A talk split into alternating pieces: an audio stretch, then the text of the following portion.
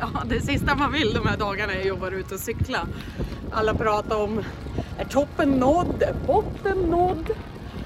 Ja, det ska vi försöka bli lite klokare kring idag. Och det gör vi tillsammans med Lotta Faxén från Lannebo Fonder.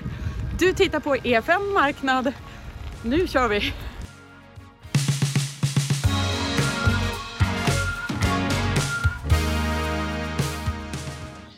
Ja du Lotta Faxén, hej på dig! Hur har den här första månaden varit med coronatrubblet här? Ja men omtumlande minst sagt kan man väl säga. Men jag känner att de senaste två veckorna kanske så det har den där panik, totala panikkänslan som var i början, det känns ändå som att eh, det har lagt sig. Men det handlar nog mycket om att man har vant sig vid en ganska konstig situation. Mm. Inte bara på jobbet utan privat också. Mm. Vi är ju ganska tidigt inne i, i det här skedet ändå, eller hur? Eh, kanske inte på... De säger ju det, att vi är tidigt inne i det här sjukdomsförloppet. Eh, men jag tror att eh, på börsen har vi nog ändå kommit en bra bit och man vet ju nu att det kommer ju kännas i många företag, inte bara de, på de bolag som är i börsen utan även hela samhället påverkas ju jättemycket av den här situationen. Mm. Om, man, eh, om man jämför då med tidigare om vi tänker till exempel IT-kraschen då, det har ju den här varannandagshandeln som vi ser, den känner man mm. igen. Ja, men det brukar ju alltid vara så eh, i olika kriser att så fort det har gått ner mycket och så går det upp några dagar, då säger man att nu har det vänt. Eh, men jag skickade några grafer till er bara för att visa hur det har handlats i tidigare börskrascher eller konjunkturnedgångar. Eh, och vad man har sett det är ju att efter den initialt inledande nedgången, det brukar extremt sällan gå spikrakt uppåt direkt. Eh, utan det brukar harva runt lite. Det går upp någon vecka, sen går det ner någon vecka och det kommer nya orosmoment. Och jag tror faktiskt att vi är i den här perioden där vi kommer harva runt lite med vår, i den här varannandagsmarknaden eller varannan veckas marknaden ett tag till innan man får eh, en tydlig trend. Mm. Och sedan är det ju många som säger, ja men nu har ju vänt för ja, amerikanska börsen var upp 7% i måndags och tycker att det är ett styrketecken. Jag tycker inte att det är ett styrketecken utan det tal, tycker jag mer talar för att det finns en enorm osäkerhet där ute. Mm. Eh, och eh, om man bara ska visa hur, eh, hur det har varit tidigare också så att det i Lehman-kraschen på mm. amerikanska börsen, då var försäljningen på aggregerad nivå ner 9% Men resultatet eller vinsterna var ner med 50 Så det visar bara vilka effekter det får på resultatet när det blir sådana här tvärstopp i ekonomin. Mm. mm. Vi har ju eh, en graf här över hur det såg ut under finanskrisen. Mm. Kan du berätta lite grann här? Här ser vi ju det här zigzag-mönstret också upp och ner. Ja, och jag tror att det kommer kunna vara så ett tag till. Det stora skillnaden mot finanskrisen mot nu, att här blir det ju ett totalt tvärstopp i efterfrågan. Men så som det var under finanskrisen, då var det ju faktiskt att efterfrågan fanns där någonstans. Det vittnade alla bolag om. Eh, men då var det ju pengarna som tog slut. Det fanns ju inte en spänn över till någonting. Eh, men det som är skillnaden nu också, det är att bolagen har mycket bättre, balans, starkare balansräkningar. Jag tror inte vi kommer behöva se så många nyemissioner bland eh, börsbolagen. Men det som är skillnaden här också att i finanskrisen då var det ju faktiskt verkstadsbolagen och de cykliska bolagen som drabbades värst tillsammans med bankerna då såklart. Men mm. här är det ju tjänsteföretagen eh, som klarar sig sämst. Mm. Eh, och eh, det är där det har blivit tvärstopp. Så att eh, ja, vi här i Stockholm, vi ser ju stängda restauranger och eh, allt möjligt, vilket kanske man inte eh, har sett så snabbt, sådana effekter så snabbt tidigare. Mm. Och politikerna också, de är väl kanske vana vid eller har mer erfarenhet av att hjälpa verkstadsföretagen. Ja, och framförallt de större företagen. Och man har ju kommit med väldigt många åtgärder med korttidspermitteringar och eh, ja, man hjälper till att stötta så. Och det har man ju sin vana vid när, från när Volvo, Scania eh, när efterfrågan dyker inom lastbilsindustrin, att man är van att hjälpa industriföretagen på det sättet. Men här är det väldigt många fåmansföretag eh, som drabbas. Eh, mm. så butiksägare, kaféägare och eh, den stödhjälpen har man ju inte riktigt sett komma ännu. Mm.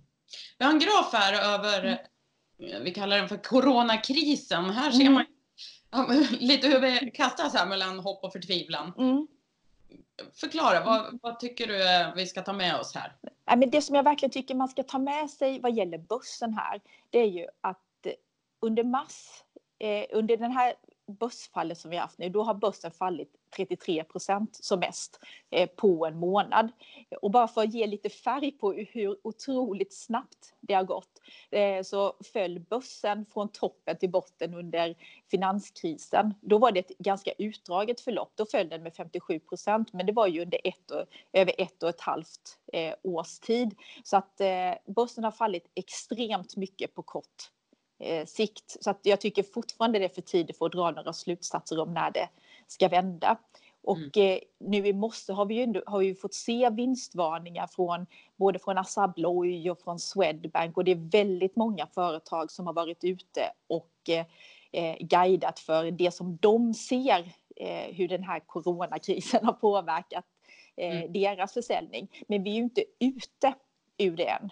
Eh, de bolag som har mycket exponering mot Asien. De har ju faktiskt ett litet försprång här i och med att Kina stängde ner tidigare än vad man gjorde eh, här i Europa. Så att de har ju sett effekten av hur, när Kina har börjat eh, öppna upp igen.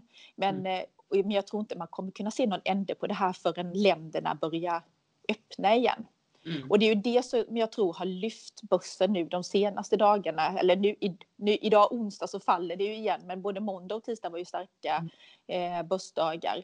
Eh, och det är ju för att vi har sett ett fallande dödssiffror från många länder och samtidigt som både Norge och Danmark och Österrike har sagt att man kommer att börja eh, öppna upp igen mm. efter påsk. Men då är det ju framförallt skolor som man pratar om. Mm. Så du tänker att det är mer det man handlar på? Att, att eh, nu är det länder som öppnar upp snarare än bolagens väl och ve? Ja, absolut. Jag tror att eh, delårsrapporterna som börjar trilla in här nästa vecka, jag tror de kommer vara helt ointressanta. Man kommer mm. bara lyssna, för att man vet ju att man har det värsta framför sig. Man vet ju att mars har varit jätte, jättedåligt. Eh, april kommer vara jätte, jättedåligt.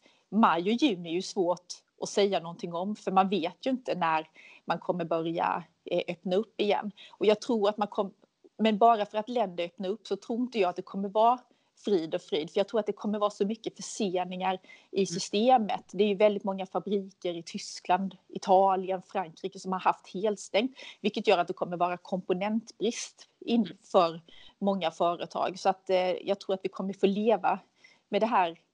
Samhällsekonomiska problemet mycket längre. Kanske mycket längre än vad börsen kommer eh, handlade på i alla fall. Mm. Men eh, hur räknar du idag då på bolag? men jag, det går ju knappt att göra. Eh, alltså jag tycker ju faktiskt om samma bolag nu som jag tyckte om eh, innan det här började. Och så mm. som man kan agera i fonderna, det är väl att man kanske säljer av en del företag som, eller en del aktier som har hållit sig ganska bra och sedan köper sånt som man tycker har gått ner lite för mycket när de har hamrats ner urskillningslöst. Mm. Skogsbolagen, ja, men skogsbolagen handlades ju ett tag på under, på under de eh, värden som de har bokfört skogen på. Då tyckte vi att det var ett ganska bra tillfälle att köpa på sig lite mer sådant. Och, sedan, och vad pratar vi om för bolag då? Då, då är det väl mer SCA och Stora Enso. Eh, sedan passade vi väl på att sälja lite Essity som ja, gynnas av att eh, alla hamstrar toalettpapper och pappersnäsdukar. Så att, eh, eh, då sålde vi det och köpte skogsbolagen istället. Det är mer sådana grejer man får göra. För det är ju, i, i grunden har ju inte ett bra företag ändrats på grund av det här. Mm. Du har några eh, fler grafer med dig. Du har en som vi kallar för tvärstopp i ekonomin. Ja, och det är lite det som eh, vi pratade eh, om tidigare, att det är faktiskt är för första gången någonsin så som jag har sett det så är det tjänsteföretagen som mm. leder den här kon konjunkturförsvagningen. Eh, och eh, det ser man ju att eh, det tog ju verkligen stopp. Och sedan tog jag ju med en graf som visar lite eh, hur det ser ut i olika länder också. Eh, där, Sverige, där eh, ISM för Sverige eh, ser lite bättre ut. Men det handlar ju om att vi inte har stängt lika hårt. Så att ju hårdare restriktioner man har i ett land, desto tydligare syns det i de här siffrorna också, där Italien har det allra, allra värst. Mm. Och vad tycker du, vad ska man, hur, som en, en eh, liten investerare då, hur kan man suga åt sig den här informationen? Hur kan jag använda den egentligen? Ah, jag tycker det där är så svårt att säga och det är svårt att ge enskilda råd till andra. Men eh, jag kommer när jag under IT-kraschen 2000, då fick jag mitt första jobb här i Stockholm. Då började jag på Carnegie och då började jag månadsspara i eh, deras fonder. Eh, och jag månadssparade mig ur 2000, 2001 och 2002. Och i slutet på 2003, då låg jag faktiskt på plus på mitt månadssparande där. Så att det bästa sättet är väl att månadsspara sig ur allt. Mm. Månadsspara, ha is i magen. Ja, och sen tycker jag verkligen om man inte behöver sälja nu så skulle jag nog inte sälja någonting. Mm. Det men... kan gå ner mer men jag tror att eh, om ett tag sen om man har lite is i magen och vågar ha kvar pengarna på börsen då tror jag att det kommer det här kommer reda upp sig. Detta här, det här är min tredje riktiga krasch och man vet att det finns en värld efter det här också. Världen tar inte slut den här gången heller. Så du tänker att börjar vi vara någonstans vid botten nu eller vad är det du, du ja, men jag, jag vågar inte säga det för att det är, he, precis, det är helt omöjligt för mig att veta vad som händer med den här smittan. Mm. Eh, så att det kan ju hända att när länder väl börjar öppna upp igen, gör man inte det på ett bra sätt, man, att om man skulle helt plötsligt bara släppa på alla instruktioner i Italien, då blir det ju som att släppa ut kalvar på grönbete och då kan det ju hända att den här smittan få fart igen. Eh, mm. och då kommer vi absolut få se en, eh, en eh, nedgång till om man återigen behöver införa hårdare eh, restriktioner och stänga ner länder igen. Mm. Ja, man blir, för man blir ju inte riktigt klok på det här att man hör om företag som permitterar, de har mm knappt någon försäljning alls och ändå stiger börserna. Visst, det, det rasar väldigt mycket här initialt, men det är svår, svårtydat, svår att tyda tycker jag. Ja, men det är många bolag som permitterar, men det är inte bara börsbolagen som permitterar. De här permitteringssiffrorna finns ju. Alla bolag i Sverige är ju inte börsnoterade och det är, permitteringarna kommer ju i andra bolag än i börsbolagen också. Mm. Sedan kanske börsbolagen, de har ju varit med om några kriser så de kanske är lite mer vana att hantera sådana här fluktuationer än vad många andra företag är också. Mm. Ja du, stort tack Lotta. För tack själv. Och glad påsk Petra. Ja, tack detsamma. Glad påsk. Mm. Hej då.